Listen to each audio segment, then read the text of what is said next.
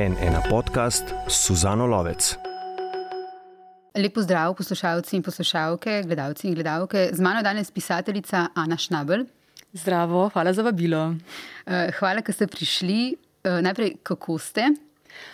V redu, pa tudi precej nervozna. Zdaj, ko sem jo pozdravila, mi je v bistvu trip zlezel v grlo. Ne. O tem, kako vi opisujete uh, telesnost um, v povezavi s čustvi, kmalo še prideva k temu. Velja. Uh, zanimivo, da ste um, na ta način opisali.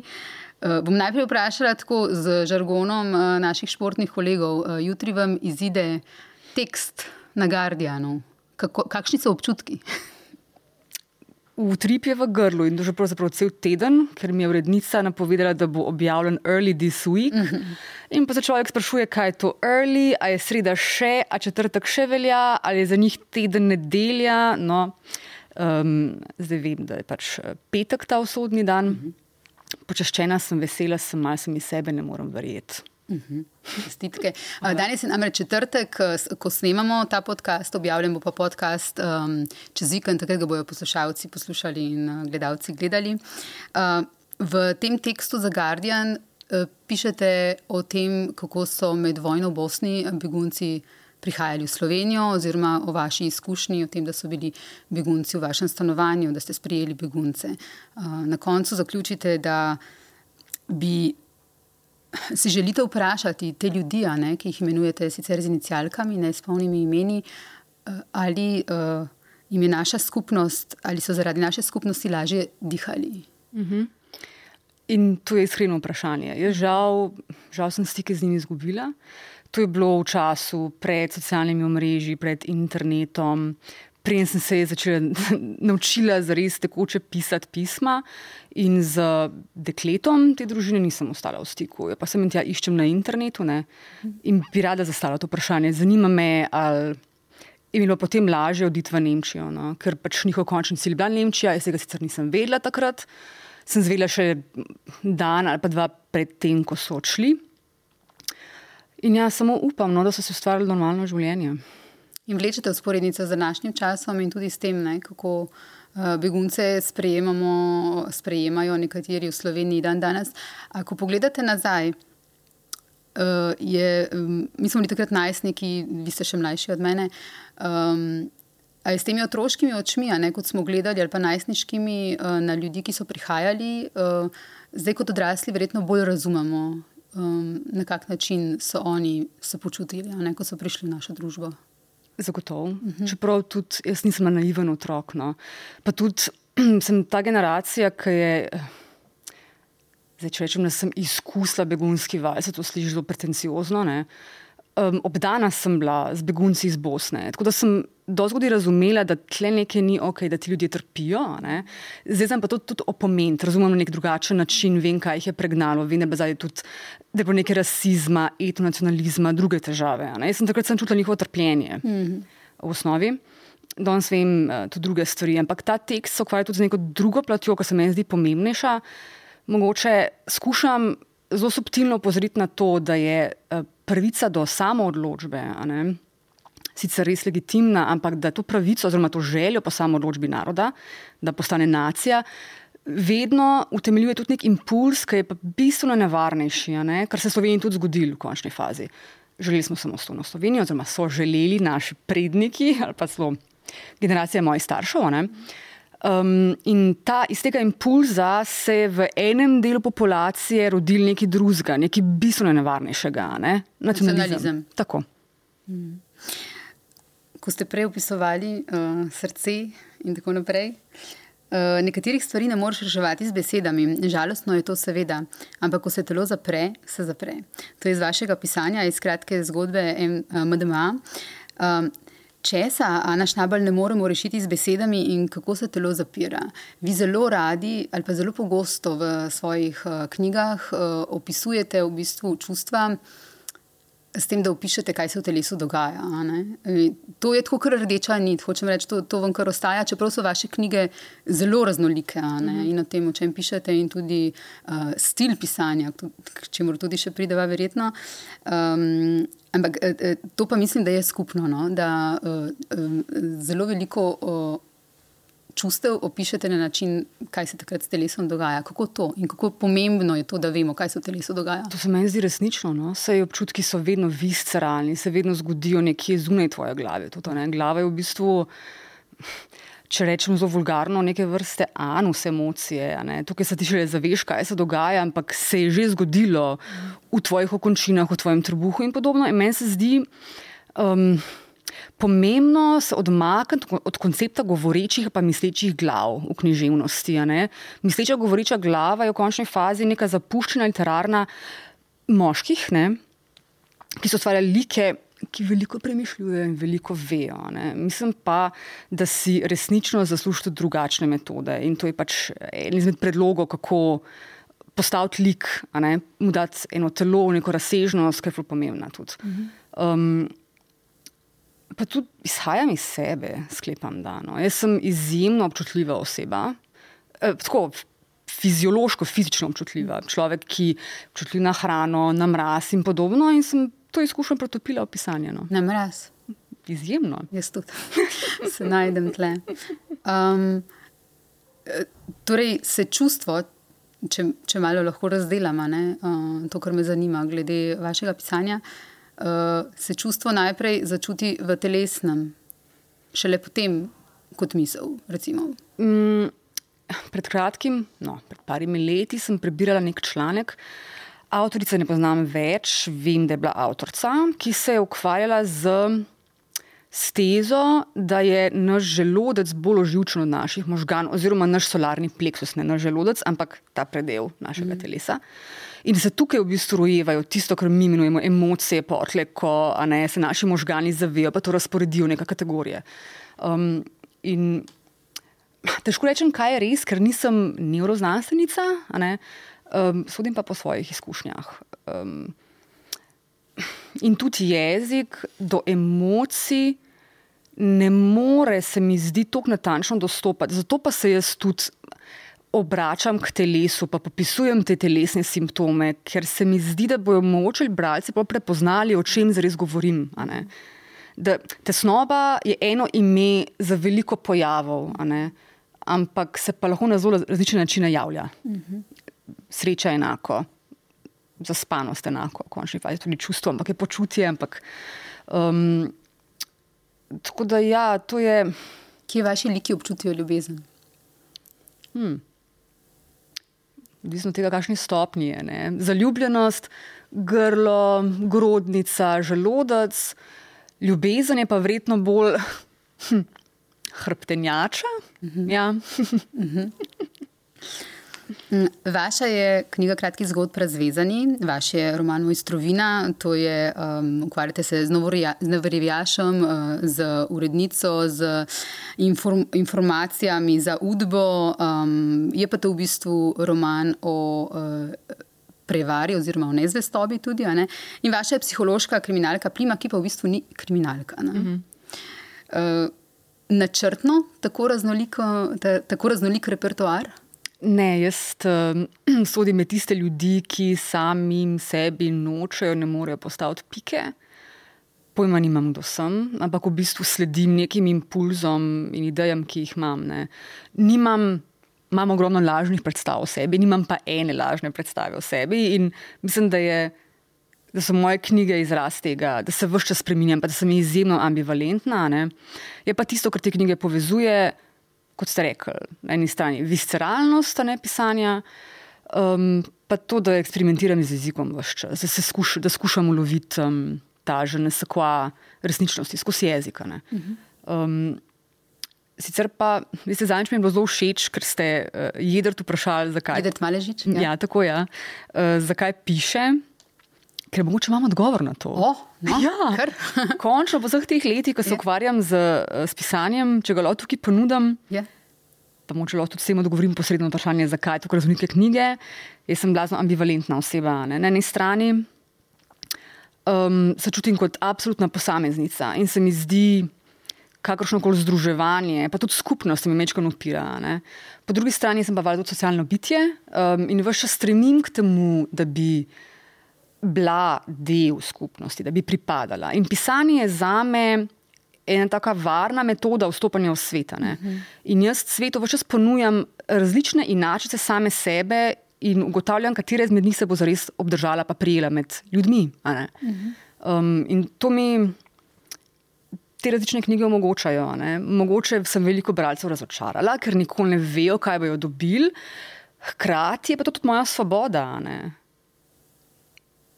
Dobro, odgovor. uh, ja, uh, nekaj podobnega je, uh, mislim, nekaj, kar se prej omenili, je Jedrt Maležič tudi rekla uh, v zvezi s tem, da ne vemo, kdo smo, oziroma da si pripovedujemo mite o sebi mm -hmm. in da je mhm. prav, da se to zavedamo, da imamo mite o sebi. Ja, mm -hmm. uh, tukaj je mogoče tudi neka podobnost. Kar se sloga tiče, veliko vas, praktično vseh intervjujih vas sprašujejo o slogu, uh, ker se res uh, razlikujejo. Um, ga izberete namensko, racionalno, kako se odločate? Pride kot neka bolezen mhm. in kot neko obolenje, ki se ga ne morem znebiti. Kar je mečkam zrhljivo, zato ker sem se, recimo, med pisanjem zdaj zadnjega romana, ki še ni šel, ne zavedla, nekje tekom pisanja, da se počutim, kot da me nekdo sili v nekaj, česar nočem zares početi, ampak je to zdaj prava izbira, je to pravi način. Ne? Pa nočem tega mistificirati, samo imam blazno malo kontrole nad tem, kaj se dejansko zgodi. Pridejo liki, pride ideja in tudi tema, in na to se kar nekako naravno naveže neki. Česar si jaz nisem zares zdaj zelo suvereno izbrala. No? Um, se pa trudim potle za nazaj, seveda, popraviti in premisliti, ali je to še ustrezno, ali se še strinjam s tem, ali ima učinke, kaj želim doseči in podobno. Za, v intervjuju za delo ste rekli uh, o Plimija, ne, o romanu Plima. Uh, moj, nabil, moj namen je bil do neke mere tudi širiti slovenščino, čeprav se mm. bodo ljudje morda zgražali, ker je v knjigi toliko kurcev in fucking šitov. Ampak to je realna materija našega jezika in jo je treba izkoristiti do maksimuma. Ste dobili kakšno pritožbo že na ta, na ta račun? Zaradi kurcev in fucking šitov? Mm, ne, zares. Um, sem pa opazila, da je plima ena izmed tistih knjig, ki, ljudje, ki ljudem ugaja, če ji dajo priložnost, uh mhm. -huh. če ji pa ne dajo priložnosti, jo pa odložijo, uh mhm. -huh. ker je slogovno mečken zahtevnejša. Zelo, ja, zahtevnejša ja. je. Ja. Zelo zahtevna. Um, in je tako, kot da bi.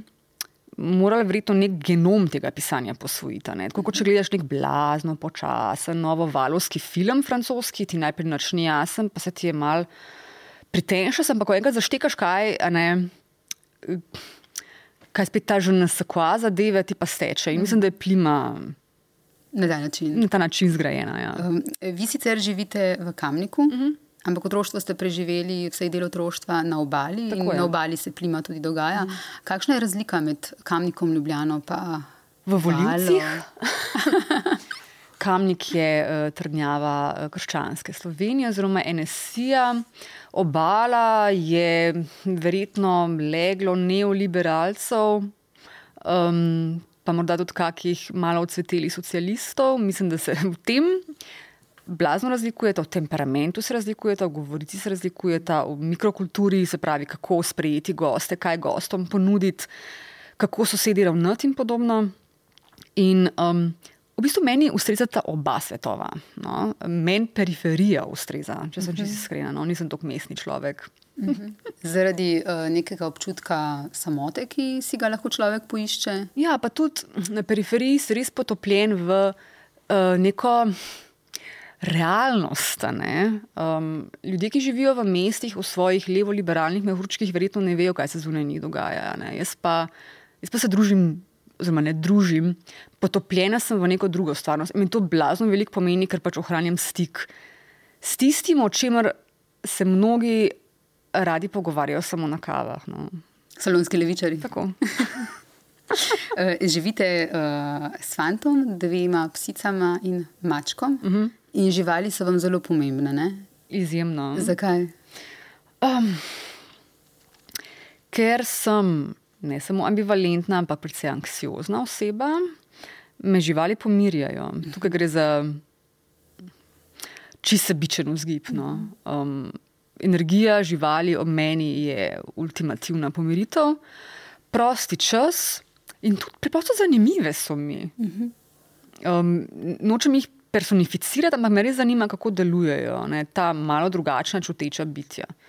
Um, veliko svojega časa jim dam, no, res. Dajo pa veliko tudi nazaj, ne sproščajo. Ja, zelo veliko. In po mojih izkušnjah tudi um, odnose med samimi ljudmi spreminjajo, mm. naredijo bolj mehke. Ne, znam, ne vem, če sem dobro povedala. Ja, mislim, da je to res. Ja, uh, lahko so predvsej navdihujoče tudi. Uh -huh. Recimo moja psica Lana je mala mutka. Ne?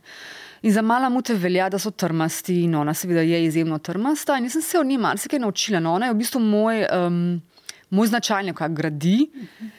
Uh, ker jo opazujem v trenutkih, ko se ona nekaj odloči in od tega ne odstopi, ker ve, kaj je dobro za njo. Ne?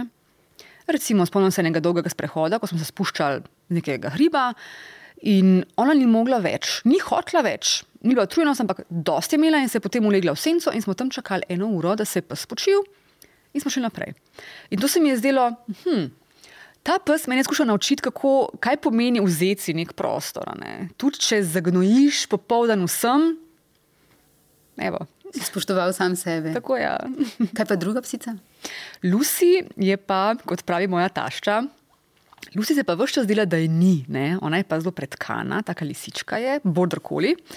Um, bila sem rada ima goste, um, ker od njih dobi vso pozornost na svetu, ker v bistvu potrebuje veliko pozornosti, ampak pri meni in pri mojem partnerju že ve, da je pač tega ne bo vanudila v nedogled, ne? da pač obstajajo neke meje. Uh, tako da je tako mala cipica. No? Ljubim jo, ampak je res zelo predkana. Ona poje vse, kar vidi, vse izbrska, um, polno nekih um, nakan. Kaj vas ona uči? Ne bom rekla eksploatacije drugih, no, ker bi bilo to grdo. Mislim, da podobnega, samo na mečem drugačen način. No, izkoristiti trenutek, ker res ona izkoristi te goste, ki jih dobiva ne, to priložnost. Uh -huh. Evo, ta kar pedijem. Uh -huh. um, Nekoč ste rekli, da so vas knjige, branje uh, izgradile v avtonomno osebnost, tudi s to samostjo, s tem, da človek, ko bere sam. Uh, kako je ta samost, a vendarle neosamljenost, uh, pomembna za izgradnjo avtonomnosti? Verjetno zelo. Mm. Ampak odvisno, kakšen je človek, ko je sam. Ne? Odvisno od kapacitet za introspekcijo, samo refleksijo. Jaz dvomim, da če nisi ustreznega temperamenta, samota res, res lahko gradi neko suverenost. Ne? Jaz sem izjemno introspektivna oseba. Ne bom lagala, jaz večino časa premišljujem o sebi, uh -huh. ko sem sama. Uh -huh. Še ko gremo v svet, me začnejo animirati, intrigirati druge stvari. Um, in se zato tudi prico dobro poznam. No. Enkrat mi je sicer nek kolega očital, da reči kaj takega ne bi moglo biti bolj pretenciozno, ampak mislim, da je res in tudi rada priznam svoje napake, um, svoje primankljaje in tudi svoje odlike v končni fazi. Če se vrnem nazaj. Um, če ljudje nimajo primernega temperamenta, bojo v samoti postali pač le bleda senca samih sebe. Ker so to ljudje, ki potrebujejo druge impulze in jih ti impulzi gradijo. Ne, in se lažje pogajajo za svoje mesto v svetu ob teh impulzih. Jaz pa tega v bistvu ne potrebujem za res, oziroma potrebujem malo manj. No, uh mhm. -huh. In uh, če imamo pa temperament, ki to samost dopušča ali pa mu celo paše, pa lahko ta samost na nas vpliva na kakšen način. Kaj nam da? eno širino. Uh -huh. In to je nenavadno, ne? kljub temu, da se veliko ukvarjam sama s seboj, ko sem sama, da sem sama sebi na večji projekt, me to na nek način vse čas širi. Jaz sem zaradi tega bolj, ne manj empatična. Ne? Um, zdaj, če bi bila jaz mogoče oseba z neko narcistično motnjo in bila veliko sama, bi me to zapiralo za svet. Ne? To pa, da jaz sebe hranim na način, ki je meni naraven, me pa za svet odpira. Zato, ker razumem samo sebe, bolj razumem tebe, kamermana. Um, vse, mislim si, da, da lažje vstopam potle v druge. No. In knjige odpirajo te svetove. Zagotovo, tudi morajo jih, no, mm -hmm. sicer niso kaj dosti vredne. Mm -hmm. uh, v kratkem filmčku o uh, pet, pet slovenskih avtoric. Uh, ste med drugim rekli, pred par leti mm -hmm. je bil ta filmček narejen, uh, da literatura zelo težko, da opažate, da literatura zelo težko posreduje užitke. Da dolgo niste uh, videli literature, ki bi to v redu počela. Ne? In da se vam zdi v tem oziru impotentna. Še vedno ali ste vmes našli kakšno, ki bi dobro uh, užitke opisovala? Ne, uh, žal sem naletela na več vulv, ki se lepijo na stegna, kot pa na literaturo, ki bi znala posredovati užitke. No. To, ne vem, če se. To totalne sodbe so vedno precej nevarne, ne? pa recimo sem večkrat mlajša, morda malo naivnejša. Ampak ja, že način, kako je seks opisovan v, v literaturi, kako je predajan naprej, it doesn't fly, kot bi se reklo. Okay, zakaj, zakaj, zakaj, litera, zakaj to pisateljem in pisateljicam ne gre, po vašem mnenju? Zakaj imamo tukaj težavo? Hm. Zaradi sramu, verjetno. Aha. Je to s tem povezano, da evo, zdaj se pa lahko se ugriznem v jezik. Pravkar berem um, Enirno, njeno prevod, uh, Suzane Koncut, dogodek in drugi spisi. In njej kljub temu, da ne piše neposredno o kojtusu, ne, uspe posredovati neko veselje, nek ta žosons v odnosu do seksa. Z minimalnimi sredstvi in tako zelo mimo grede, ampak začuti se, da ona obožuje seks. Uh -huh. um, tudi, evo, imamo en ta primer in nje ni sram. Uh -huh. Ona tudi zelo. Um, ne benevolentno, ampak frivolno uh, razpolaga z izrazi za ženska spolovila, moška spolovila, mislim, se samo dve, ne, ampak um, ogromno nekih izrazov pozna. Ogromno nekih metafor tudi sklaplja na seksa, ne? pogosto določene druge dejavnosti primerja z orgasmom in podobno. Uh mhm. -huh. Se pravi, v tem smislu sproščena. Uh mhm, -huh. Sproščenost. Ja, ja, pri uh -huh. nas, sploh v Sloveniji, je pa ali je seks opisovan kot neka dominacija nekoga nad nekom drugim, ali so pač spolni organi tako mal. Prekosmati, pa prevlažni, da bi bili res privlačni, a ne pač nekaj zmanjka, ali je ful tega, te vulgarne naslade, kar recimo mnogo ljudem, bralcem, ne dogaja za resno, zdaj dogajanje posebej um, izbrana beseda, pa vendar. Um, ali pa sem tok flet, tok sterilno, da uh mhm. -huh. ne pride skozi. Ampak sram je tukaj. Ja. Uh. -huh. Bojimo se tega, da bi pokazali užitek. Okay. Mimo grede, odkje eh, primek šnabel? SCH ni zelo pogost v teh krajih. Ne, obstajata pa dve varianti. Ne, še SCH na ABL, kot Aha. Julian Šnabel, ne, sicer jaz sem z njim v nekem daljnem sorodu. Um, to izvira iz avstrijske koroške. Mhm. sicer, um, moja družina, oziroma moji predniki so prišli v Kamnik, da bi tam postavili krajnično tovarno in se potlej naselili in začeli male šnable vzgajati. in jaz sem ena izmed teh. Malih šnablov. Uh, Vasja Jagar vas je v mladini pred petimi leti v naslovu imenoval Ana Šnabel, pisateljica za konec patriarhata. Kje vse ta patriarhat še najdemo, ker konec ga še ni? Oh. Um, ne bi o mikronivojih, no, zato ker teh detajlov je preveč. Mogoče o tem, da statistika nasilja nad ženskami še mm. vedno narašča, oziroma je sploh med korono predvsem narasla. Um, ko sem se na ta pogovor pripravljala, sem šla še enkrat pogledati statistiko na stran vrhovnega tožilstva, ampak sem že pozabila, kakšna je. Mislim, da se gibe tam okoli 20 žensk na leto, no, od korone dalje. Spravi femicid, govorimo o femicidu, spravi o boju žensk. Ne. Um, Če se ne motim, se vaša knjiga, ki jo zdaj pišete, tudi s tem ukvarja, ne? z družinskim nasiljem. Tako, ja. Ja. Nad ženskami. Tako. Uh -huh. uh, pripovedovana je sicer z, z vidika priče žrtve, uh -huh. ki postane žrtev samo enkrat, uh -huh. pa takrat odločilno. Um, ampak ja, družinsko nasilje je ta tema, ki me predvsej zaposluje, no? nasilje nad ženskami. Tudi sicer v bistvu je mogoče kot ena rdeča nit. Mislim, so tudi v vaših drugih knjigah, lahko govorimo o nasilju, takem ali drugačnem. Ja, ja, ja. Je nasilje nekaj, o čemer razmišljate veliko? Zelo veliko, ker lahko asociacije ja, delim. Um, v začetku 2000 je šel, oziroma je bi bil na ogled nek zelo slab film Stigmata in jaz sem si.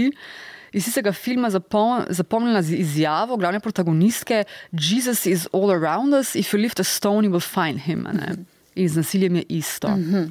Psihično, fizično, sistemsko, spolno nasilje. V bistvu prežema našo resničnost mm. in zato se mu je ne mogoče izogniti. In jaz, ki sem recimo, da na neke krivice, pa na neke, za, zatiranja, predvsem občutljive, to seveda opazim in me ne bom rekla, intrigira, ampak me uznemirja.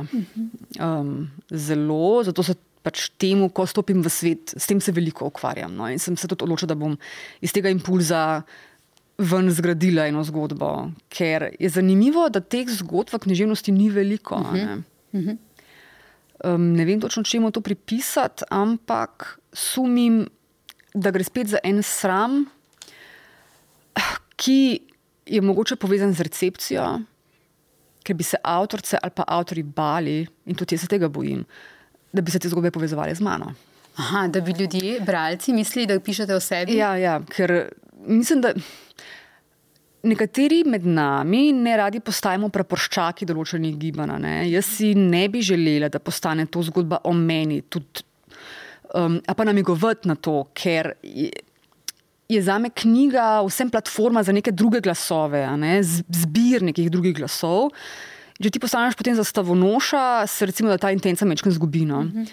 Mislim, da je s tem povezano, ne bi radi tega, hkrati pa tudi težko je o tem pisati. Res težko je o tem pisati. Mm -hmm. pač, um, najti primeren jezik, ki bi uh, dobro zajel grozo, Pa izoliranost, ki pritiče ljudem, ki so žrtve nasilja, je velik podvig. No. Jaz sem se v bistvu skozi to dve leti prebila, da sem prišla sem do ene strukture, ki, za katero lahko rečem, da stoji. No. Očitno je, da veliko pač tudi researcha, raziskave mm. posvečate, a ne temi, ki se jo lotite. Kaj ste eh, tukaj, kaj bi recimo tukaj tema preučevanja, ko ste se odločili za to? Cikl nasilja zlasti. Mm -hmm. Ker v javnem diskurzu se nasilje nad ženskami obravnava kot nek uh, unisem event, ne? Mm -hmm. oziroma ne unisem, um, enkraten dogodek, mm -hmm. ki nima uh, nobene zgodovine in nikamor ne vodi za res. Ne? Ampak mislim, da je treba o nasilju nad ženskami razmišljati ne samo sistemsko, ampak tudi časovno, v času. Se pravi, da so storilci le niso ni žrtve in to potem tudi um, reproducirajo v svojih odnosih, in da žrtve, da so bile žrtve že prej žrtve, po veliki verjetnosti, oziroma ja, um, se tako kažejo raziskave. In se potem zatekajo v odnose, iščejo razmerja, ker se lahko ta beli šum spet ponovi. Um, mislim, da gre tudi za eno težavo, ki jo treba nasloviti, da smo ženske, pašalna sodba je to. No? Take it easy, ampak res pašalno. Da smo ženske socializirane v trpljenje, moški pa v nasilje in bes. In če je moški žrtev nasilja, bo seveda to reproduciral kot nasilje, ženska pa kot trpljenje. In si bo lahko zato poiskala pač razmere, ki to, kar že pozna, utrjujejo. Meni se bo enkrat precej strašljivo pogovarjati z kolegico, ki je socialna delavka in je več kot dekado delala na oddelku za družine nekje na obali.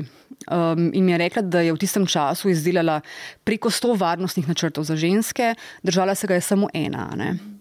In mislim, da ne razumemo, kako težko je prekiniti cikl, v katerem ustrajajo ti ljudje.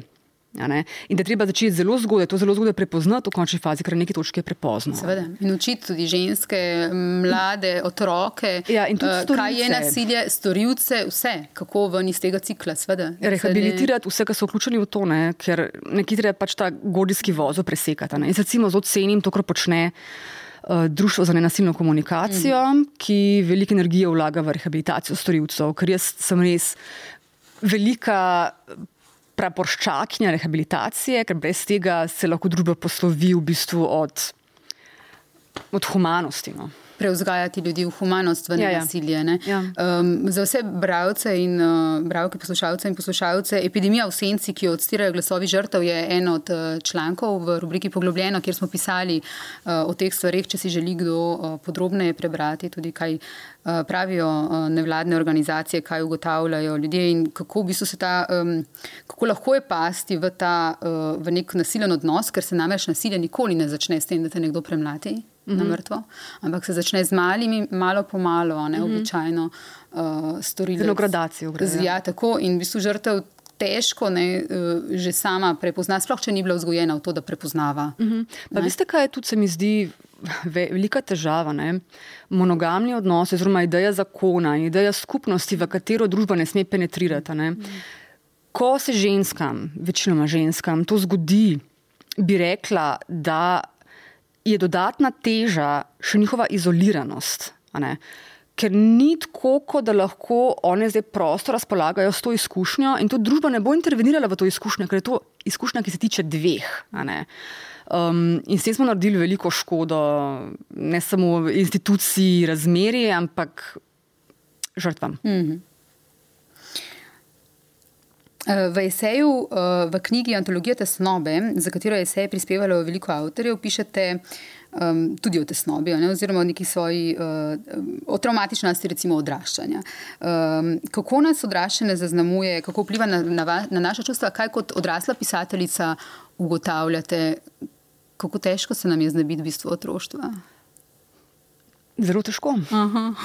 Um, vse to, kar se je posedel spet ne, v naša telesa, uh -huh. nas spremlja. Um, jaz lahko, mislim, da če sprosto priznam, da že pol svojega odraslega življenja hodim na psihoterapijo. Ne? Predvsem zato, ker bi rada postala zares odrasla, ker mislim, da sama ne zmorem. In um, kar sem opazila, je, da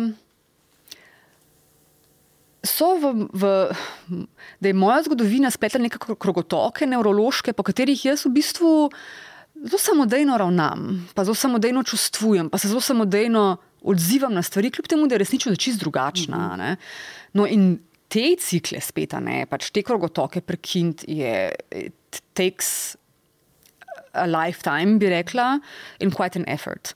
Zdaj, če se pa še pač nekemu običajnemu, pa varnemu odraščanju, karkoli že pridruži še neka travma. Je pa to še toliko težje. a ne. Pričemer bi podarila, da jaz um, kot traumatičnih dogodkov ne obravnavam kar vseh. No. Mislim, da ne smemo inačiti tega, da te je enkrat učitelj v šoli ponižal s tem, da te garbajo kot psa doma, ali pa um, da te nekdo spolno zlorabil. Hmm. Uh, spet ste omenili ne, na, na to, da, v bistvu, na, na te, da, se, da se nam naseli v telo, mm -hmm. da se nam naši občutki, travme, karkoli se nam je zgodilo, da se v bistvu naseljuje naše telo, naše, uh, naš nevrološki sistem. Ne. Um, Vi, kot avtorica, kot pisateljica, s tem, se s tem res veliko ukvarjate, ne, s čustvi, z občutki. Zdaj, kako jih handlate? Jaz vas sprašujem, zdaj nekaj, kar mogoče ni, eh, vas ne sprašujem kot psihologinjo ali pa mm. psihoterapeutko, seveda ne, ampak sprašujem vas kot pisateljico. Kaj ugotavljate, kako jih handlati, kako ne potiskati? Um, ker čutiti v spektr čustev. Dobra, lepa, kot rečemo pač v zahodni Nočemo tega, ne. ne, eh, ta lepa čustva in tudi takih zahodnih civilizacij, rečemo, to, kar se jih izogibamo. ne. Torej, kako čutiti torej, vaš spektr, ker naše telo čuti vse, Ja, vse. lepa in ta grda. a ne. Um, a imate tle kakšen odgovor? Oh, ne, če imam pameten odgovor. Edino, kar sem opazila, je, da bi morda, kar se tiče negativnih občutij, ne, um, morali poskrbeti za to, da previdno odbiramo, katera bomo spustili v javni prostor in katera ne. a ne. Um, nujno jih je čutiti in se z njimi ukvarjati in jih reflektirati, pa pa tudi odločati, odločati, kaj je zdaj javna zadeva in kaj ni.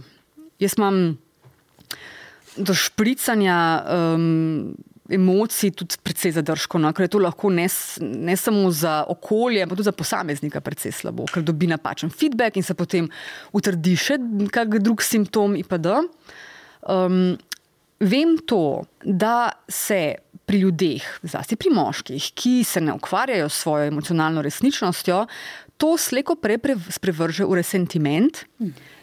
In če prevrtimo nekaj let naprej, imamo tukaj pred seboj Jeznega moškega. Jeznega desničarja. V intervjuju za mladino ste rekli, prav ta snoba je moj osebni motiv. Za me je znak, da nekaj ni v redu in da je treba ukrepati. Stanje je treba razumeti, grešiti in na to v prihodnosti delovati z znanjem, ki ga je ta izkušnja dala.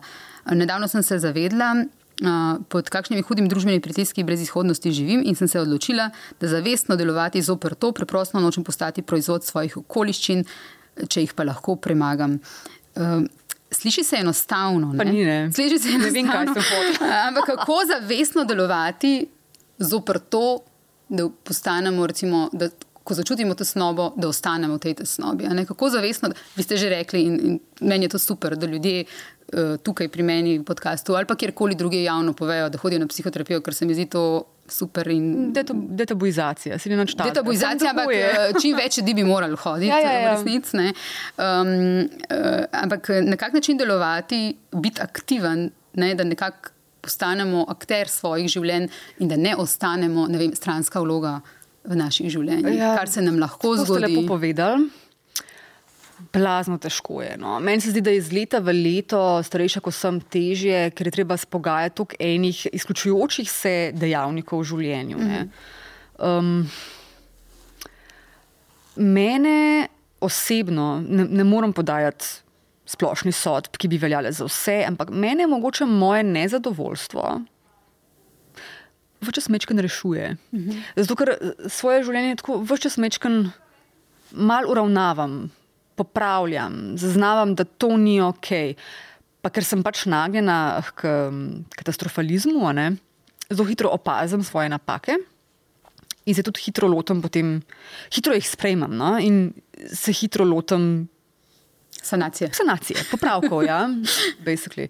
Ampak, če skušam biti konkretna, sploh ne znam biti konkretna, ker je to tako. Um, govoriti o življenju se mi zdi včasih neko mlatenje prazne slame. Ja, kako je- da am- vsi Ja. vemo, o čem se pogovarjamo, Ja. ampak ne najdemo nobenih konkretnih primerov za to, Mhm. kaj dejansko počnemo. ne.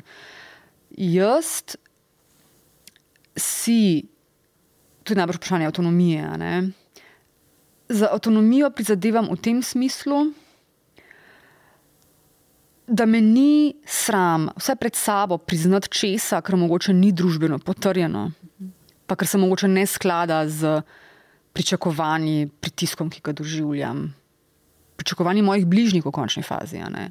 Biti kar se da resnicoljubna in to je ful težko. Ne pravim, da sem.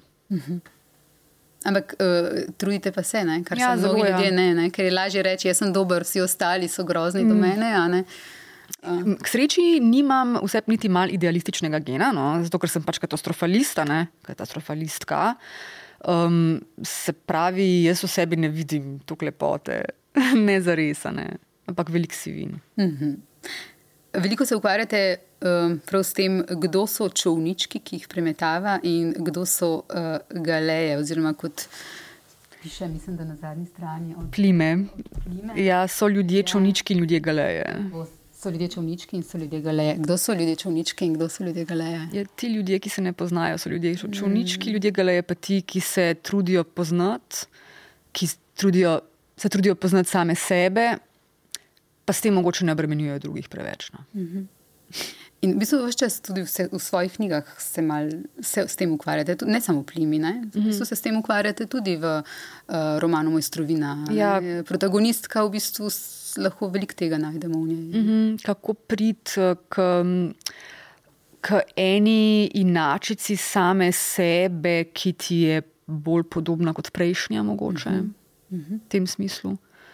Um, zdaj, ko sem rekla, da so ljudje galeje tisti, ki se poznajo, ne, jaz ne vem, če treba s tem znanjem kaj narediti. Te pa, in tudi ni nujno, da dela boljšega človeka. ne. Um, mislim pa, da ti je moče malo lažje živeti. Jaz sem imela enega partnerja, ki je slovenec, če bo to gledal, bo to razumel. Žal, eh, ki se je blazno dobro poznal. In v njem ni bilo veliko lepote, ne zaresane. Ampak ravno zato, ker je nosil Nosil samega sebe, ker je nosil samega sebe suvereno, dostojanstveno, je bil očarljiv človek. Vedel si, kaj pričakovati. No. Okay, kaj pa lahko še delamo s svojimi napakami? Razen tega, da jih nosimo, če jih ne moramo spremeniti, da jih nosimo mm -hmm. dostojanstveno, ne? pa da smo odkriti, ki je dost. No, mogoče jih lahko umetnost pretopimo, kar delam jaz. Pri vašem pisanju nikakor ne moreva uh, niti mimo mode, niti mimo glasbe, popkulturnih referenc 80-ih let. Mm -hmm prejšnjega stoletja, ki jih veliko uporabljate uh, in o katerih vas tudi veliko sprašujejo. Uh, od uh, EKV uh, v recimo Mojstrovini do Michaela Jacksona v Plimi. Uh -huh. uh, za časopis Delo ste pred leti rekli, da ste se navezali zlasti na Kate Bush. O, ja. Aha. Obožujem jo. Obožujete jo? Ona je. Ona je pri 14 napisala besedilo za pesem, ki se ukvarja z ekološko krizo. Mm. To je bilo v 70-ih. Mm -hmm. um, mother, mother is comfort, mislim, da je naslov. Um, kaj lahko še več rečem? Mislim, da je genialna. In je tudi en izmed avtoric, ki je pomembna zato, ker je literaturo pripeljala v glasbo. Ne? Um, ne samo literaturo, ampak tudi druge kulturne reference, recimo v komadu Cloudbusting. Komad Cloudbusting je v bistvu posvečen Wilhelmu Reichu, enemu izmed začetnikov psihoanalize, ki se pol v Ameriki zblaznil in podobno. Um, Wuthering Heights, vemo, zakaj gre. Čudovita glasbenica. Je pa, ne, kar je zanimivo, um, tudi ona, kot veliko drugih mojih omiljenih avtorjev oziroma umetnikov, uh, težka konzervativka. Kdo pa so še vaši? Uh, Erik Romer, Aha. recimo, obožujem njegove filme. Mm, med pisatelji najbolj trenutno Rachel Kusk, še vedno mhm. britanska mm. avtorica, tudi Eni Erno, mm. ker um, pa John Didion, mm. ki je tudi začela kot um, piska za uh, konzervativni časnik oziroma um, revijo. Kako ste se počutili lani, mislim, da je bilo lani, uh, če se navežem na Kate Bush, uh, kako ste doživljali ta njen revival, ne? ko je vse svet gledal serijo Stranger Things? Ja, ja. Staro in mlado, in vsi najstniki in vsi mi smo spet peli pač Running Up That Hill. Zdaj se mi je, pa kje ste bili v ta čas? Tako mat je genijalen, spot ja, je genijalen. Res, pač... ja. In to kdaj? Ja, to kdaj? To kdaj? Ja. Ona je ena izmed teh, kot je rekel tudi tale Neil Gaiman. Ne? Um, ustvarjalk, ki so ogromno naredile za razvoj pop glasbe. In glasbe v obče, ker pač njo kot nek navdih citirajo, oziroma navajajo tudi, ne vem, garaž, pa industrial bendi iz 80-ih. Mm. Ampak, ker je ženska, mi pač ne pripisujejo take teže. Ne, parla je mečkan skozi skoz talijak, ostale so pač Jackson, pa Bowie, pa Queenie, pač ti Mad Madonna. Boys, pa Madonna, recimo. Ne. Um, pa Madonna imela za sabo pač ameriško glasbeno industrijo, ne Kate je vseeno ustrajala v nekaj drugačnih okoliščinah, pač ker Britanija ni bila, ni tako parirala ne, Ameriki. Anyways, obožujem jo, no, res. um, kaj, katere popkulturne reference bo v novi knjigi? Kar se mi zdi zanimivo, Gilmore Girls, res? kot tudi v Toxic. In zanimivo je, da sem jaz to poglavje, kjer omenjam Gilmore, Girl, Gilmore Girls, o oh moj bog. Um, Pisala v tednu, ko je Toxic išel, in ko sem Toxic prebrala, sem si mislila, o, poglej, da so bili mi dve mladi v istem času. Od Toxic kot Eve Makovic, seveda. Um, hm, ja, rejvi so, no, um, ker gre protagonistka tudi na rejv, kjer vzame ekstazi, um, ker je tudi Ne vem, če ste opazili, ampak v mojih knjigah je tudi nekaj uh, substanc, ne vem, če se pojavljajo. Ja. Ja, ja. V plimi marihuana? Ja, v prvi, v moji prvi knjigi imamo antidepresive, imamo travo, no tam ekstazijo, sicer ni, no so pa nekje druge. Um, tudi detabuizacija. Tudi. Uh mhm. -huh. Predvsem pa, a se lahko priznamo, da je pač na psihofarmakologiji zrasla naša civilizacija. Mm. Pardon, ampak vredno je po populaciji na antidepresivih, raven zato, ker je treba mečkan znivelirati vse visceralne feelinge, ki jih ljudje imajo. Ne. Po populaciji jemlje kokira eksperimentira z drogami. Pač it's a fact of life. Ne vem, Ja, ja. zakaj bi. Ampak se, zakaj tega potem ne bi o tem pisali? a Ja, ne? zakaj tem ne bi pisali in zakaj o tem ne bi pač ne, dostojanstveno razpravljali mm. in tudi mogoče preprečili kakšne resne zaplete. Mm -hmm. Tiše, ko smo, Slabše je. slabše je. Ja. Ja. Sej uh, ošvrknete to tudi v Plimja, ne, mm. o v bistvu, uh, dogajanje na obali, ne, vse prisotnost droge Ja, ja, ja. uh, in tako naprej. Mm, katere so še stvari, uh, Ana Šnabel, o katerih veliko razmišljate? Uh, Resentiment, mm -hmm. ki je povezan z nasiljem, mm -hmm. zato ker je recimo, da nasilje izstopna, so izstopna vrata za resentiment. Um, zato, ker ga okoli sebe veliko opažam. No. Mm. Pa se, veste, um, tako kot se vsakomur lahko zgodi psihotični zlom, ne, se lahko vsakomur zgodi tudi zlom v resentiment. Ljudje postanemo zagrenjeni, ko nekaj pač ne gre v skladu s pričakovanji, ko se nam življenje večkrat sviži, ko imamo občutek, da smo žrtve nekih nepredvidenih okoliščin, itd. itd., itd. Ampak jaz sem do sebe tako stroga, da ne želim postati ta človek. Preprosto za manj se mi zdi, ker je možno tudi druge poti ven iz teh težkih, zoprnih občutkov najta. Poleg tega so ljudje, zagrenjeni ljudje, oziroma ljudje z sentimenta, tudi zelo obremenilni za okolico. Bodi si za svoje svojce, um, bodi si za družbo kot tako. ampak, če nočemo zapasti v resentiment, sva spet nazaj tam, moramo poznati sami sebe, moraš to opaziti pri sebi, kaj se ti dogaja, in moraš si reči: ne, nočem postati ta človek. Ja, ne bom dajal na druge. Ne? vse imeti pred sabo mm. to ikono človeka, ki ga je resentiment v bistvu čist, zaradi tega je posem segnil, mislim, zgnil, segnil. Um, ja, in se odvračati od tega. Jaz ne vem, kakšni postopki so to, ampak se preprosto truditi čutiti drugače. No. Mm. Ali pa se drugače interpretirati svoje stanje. ne. Ja, sej. Nočem zveneti kot nekdo, ki preveč odgovornosti za trpljenje prenaša na posameznika. ne. Ker je tukaj tudi sistem, ki Ja, sistem je prispeva, tisti, seveda. ki veliko prispeva, pa hkrati pa verjamem, da smo ljudje tudi beings of agency, ne? se pravi, da imamo nek agens, s katerim lahko, če že ne spremenjamo, interpretiramo določene dogodke. Ne? In ta interpretacija nam lahko koristi, ko, je treba, ko se je treba skozi resnično smečkem pregrista. ne. Um, Seveda pa jaz poročam z pozicije nekoga, ki mu je relativno ok v življenju. No, rad mi ni bilo, ne, ampak sem si naredila tako, da mi je zdaj če dalje bolj ok. Um, iz tega ne bi sporočila nekomu, ki, v, ki se v Gazi bori, oziroma boji za svoj obstoj. No, of course. Končajva s feminizmom. Zakaj je potreben še feminizem? Ker to moramo vedno znova povedati. Vi feminizem veliko omenjate, veliko o njem govorite. Da ženske ne bojo umirale, mm. da ženske. Da ne bo toliko ženskih življenj zapravljenih, da ne bo toliko žensk revnih, lačnih, zmatranih, da ne bomo izčrpane, preprosto zato. Mislim, da gre čist za basic shit. Mislim, to, da smo si ženske v Sloveniji, ne, kot intelektualke, že izborile nek prostor, da poročamo o tem, je da best. Ampak to je res pač Minimum. minimum, ne? to je vrh ledene gore. In tudi zdi se mi, da je taka kozmetika, zaradi katere se pogosto pozablja, da mogoče lučaj stran od tega, kar zdaj snemamo, tale podcast.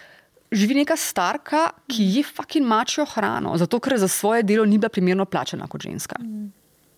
It's, to preprosto je to. Plus, Yep. nam, pripadnikom srednjega ali pa višjega srednjega razreda, ženskam, je vseeno mnogo prizanešeno. ne. In to, da smo se mi izborili prostor, še nič ne pomeni. Pa še bele smo. To še nič ne pomeni za pripadnice nižjih Manjšin, ja. Tako ali manjšin. pa drugih razredov in podobno.